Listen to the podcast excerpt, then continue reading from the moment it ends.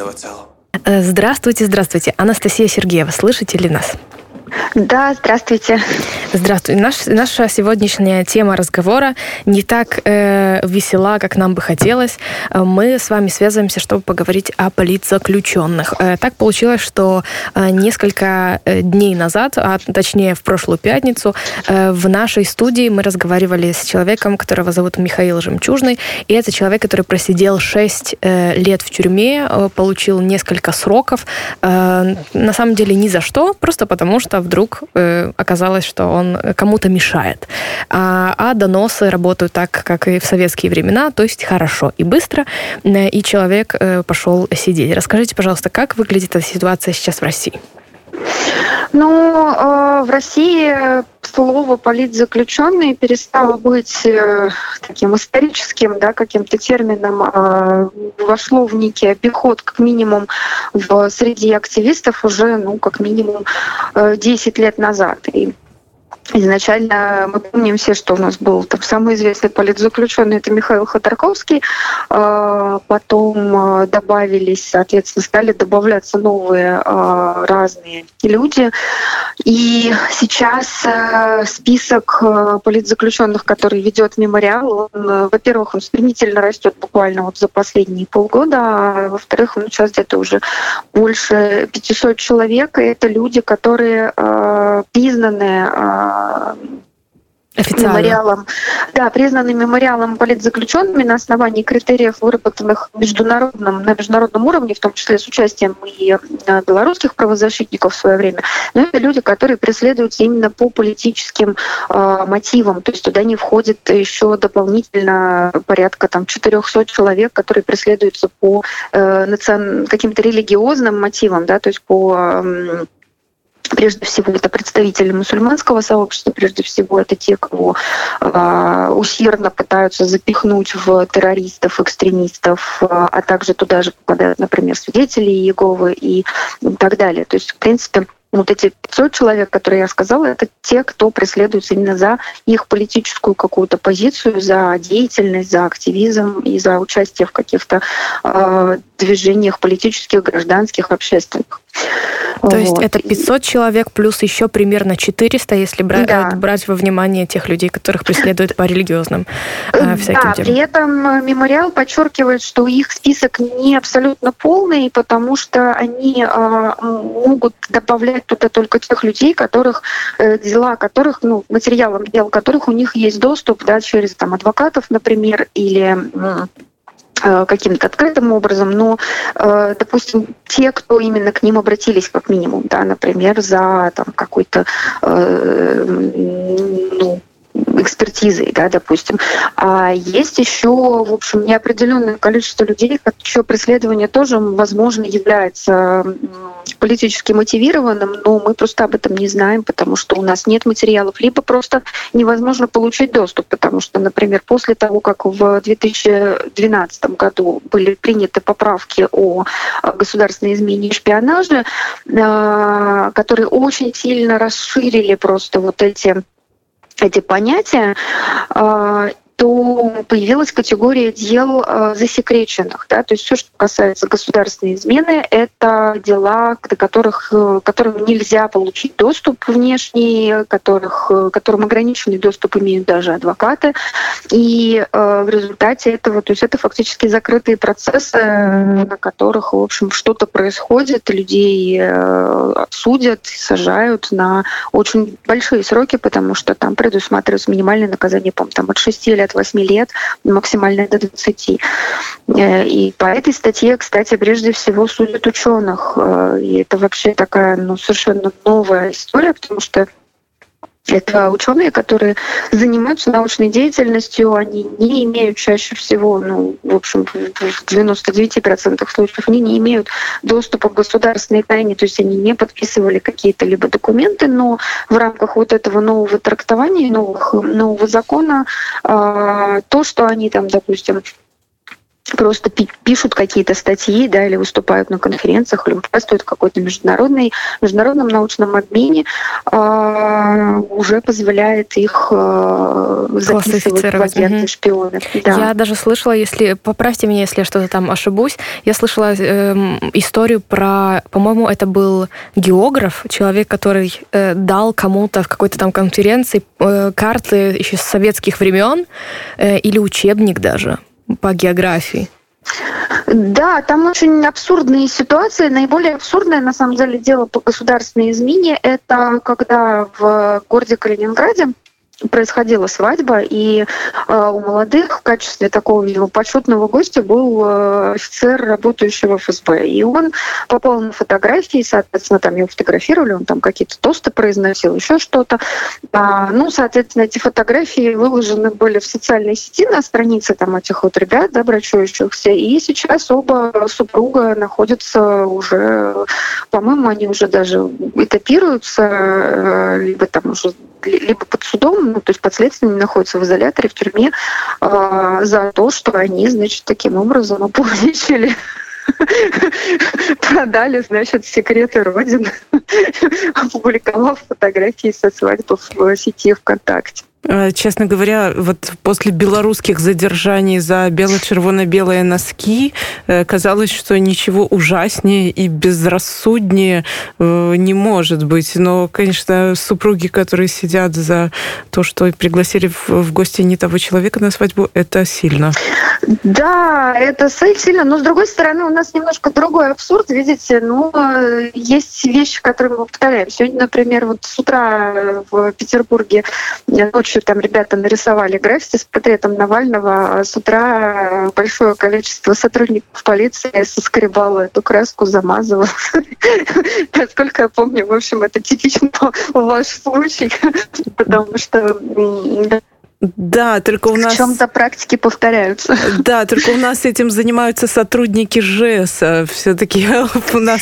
Ну, видите, у нас вот сотрудники ФСБ трусы стирают, а сотрудники полиции стены соскребают. Вот. Такие странные у нас процессы в стране, что, в общем, э, почему-то подобными, подобной деятельностью занимаются силовые структуры, которые получают за это зарплату из наших налогов. Что, в общем, выглядит выглядит, да, довольно странно. А хорошо, а как, а как чувствовать себя активизм? Потому что мы с вами встретились э, как раз на последнем, э, или перед последним протесте возле э, посольства России, э, где э, были э, тоже люди из, э, э из вашего э, сообщества, да, угу. правильно я говорю, э, за, да. за вольную Россию, за свободную Россию.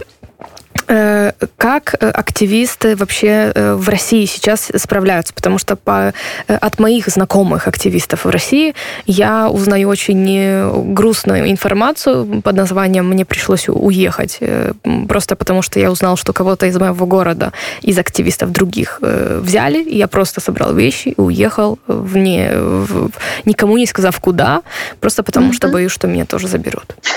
Да, и это тоже есть, но на самом деле деле, конечно, вот так, особенно когда ты смотришь со стороны, и ты даже не можешь никак, в общем, ну, то есть вот ты ничего не можешь сделать, да, и на самом деле ты одинаково ничего не можешь сделать, как находясь внутри страны, так и вне страны.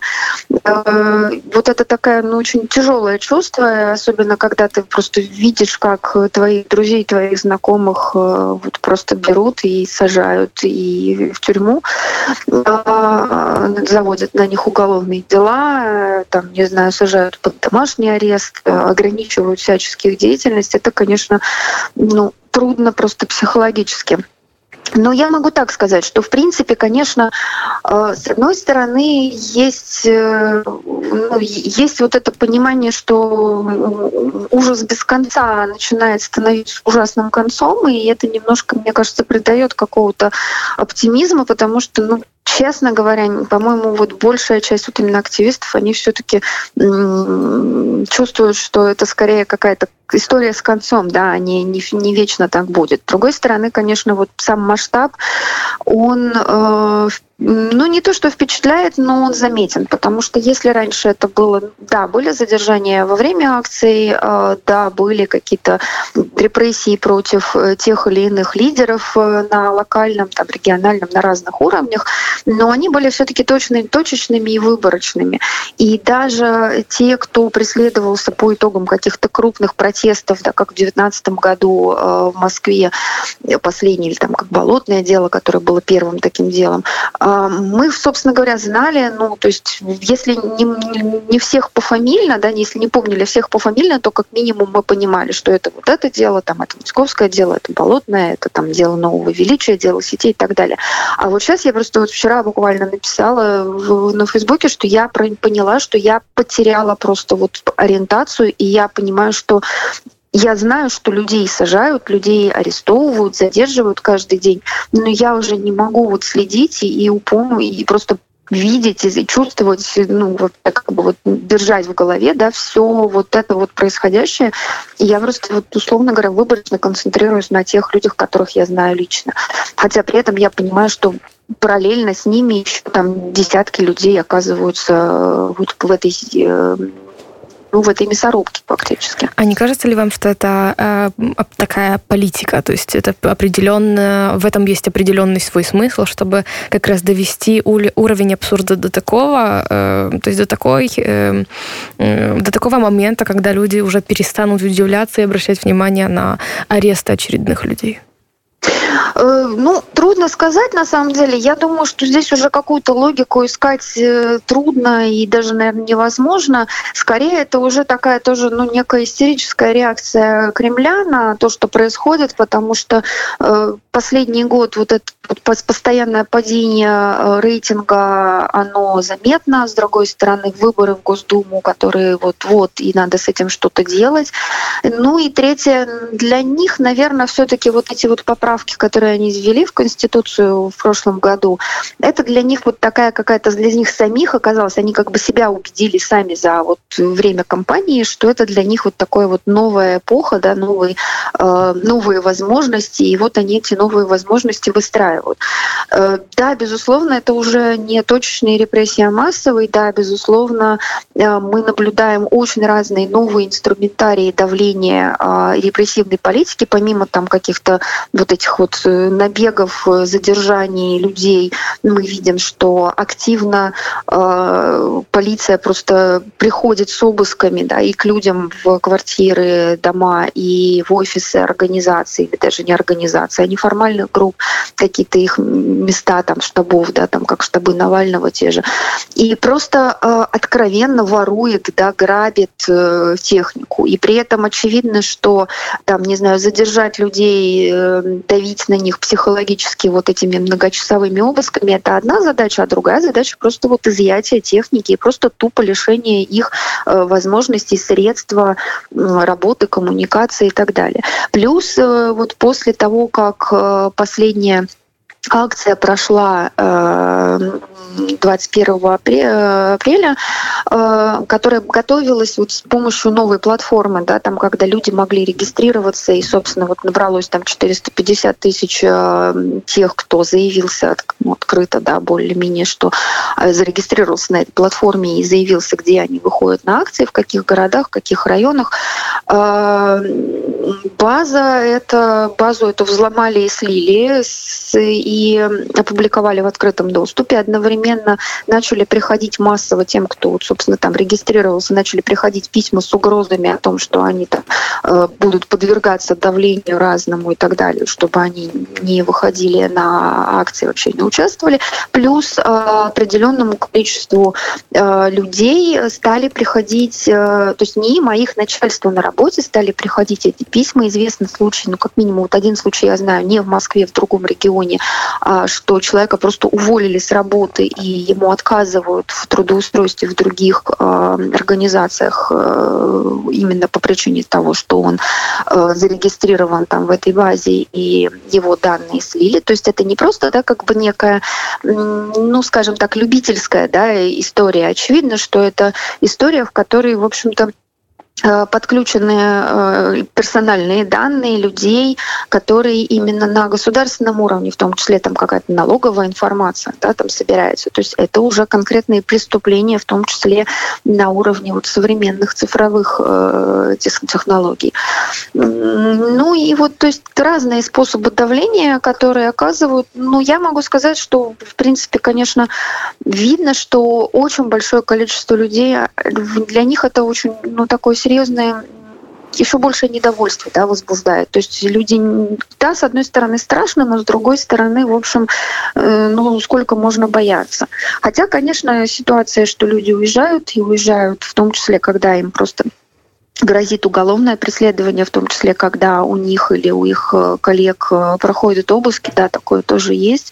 И, э, ну, в общем, в том числе европейские страны должны давать себе отчет, что в ближайшие месяцы поток беженцев из России, политических беженцев из России будет больше.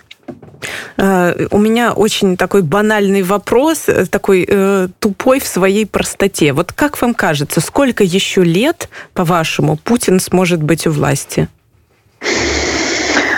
Да, все задаются этим вопросом. Тут на самом деле очень непредсказуемая ситуация, потому что э, ну, мы видим пока, э, Очевидно, что сейчас э, наступил тот момент, когда режим полностью уже отказывается от поиска э, поддержки и легитимизации режима на уровне вот какого-то одобрения общественного, на уровне лояльности общества.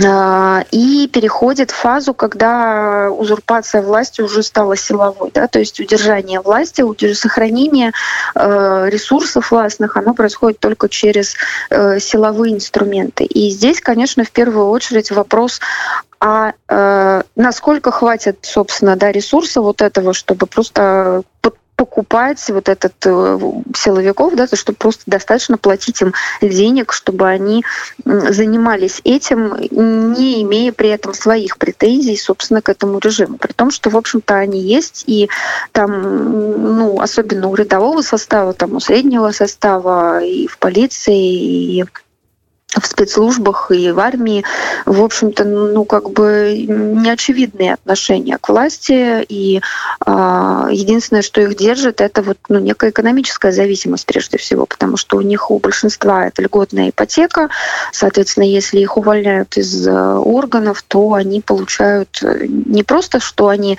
должны найти работу, да, но они вынуждены оплатить гораздо больше, заплатить денег немедленно, э, лишаясь, да, вот этой льготной кредитной ипотеки. Вот. И здесь вот второй вопрос тогда дальше это экономические ресурсы, экономические ресурсы власти с одной стороны, а с другой стороны экономические возможности, экономическая стабильность общества.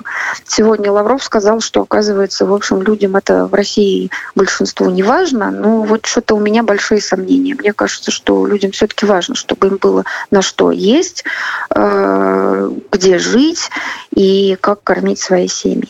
Да, это правда, это очень глубокая тема. И, кстати, у меня был один э, тоже э, вопрос по этому поводу. Э, признан ли ФБК уже экстремистской организацией или еще нет? Было уже, признали их официально или это еще вопрос решается? Ну, сейчас есть решение прокуратуры, и я так понимаю, что этого достаточно на сегодняшний день уже для того, чтобы какие-то дальнейшие там действия производить. Но э, ну, и решение прокуратуры, на самом деле, вот это ну, было очень комично. Там, э, ну, помимо всего прочего, там, например, было сказано, что, значит, они экстремисты, потому что они, значит, организовывают всякие разные акции, а, собственно, эти акции приводят к массовым нарушениям прав человека. То есть, ну да, действительно, действительно акции приводят к массовому нарушению прав человека, только кто права нарушает, ФБК или, или полиция с прокуратурой. Вот. Но тем не менее... Они провоцируют, думаю, что... они провоцируют прокуратуру. Да, да, да, да, да, не надо провоцировать прокуратуру. Зачем вы выходите на улицу и провоцируете прокуратуру? А, на самом деле, безусловно, сейчас первые уже какие-то движения в этом направлении будут, но тут надо помнить, что все-таки есть определенная бюрократическая неповоротливость всей системы. То есть, ну, условно говоря, там если сегодня вот эта вот бумажка вышла, там, ну, точнее, не сегодня, вчера на самом деле, то дальше, или в пятницу, ну, то есть, в общем, на днях, э, то дальше будет, соответственно, ну, какой-то процесс э, чисто бюрократический для того, чтобы отработать, вот, собственно, ну, какую-то практику да, первых уголовных дел. И э, ну, вот это пока вопрос, который, за которым можно наблюдать. Большое спасибо за разговор. В нашей студии был член правления э, Ставажишаня за свободную Россию Анастасия Сергеева. Большое спасибо за то, что ваш ночной разговор с нами. Это было очень интересно. Мы еще с вами свяжемся. Спасибо. До свидания.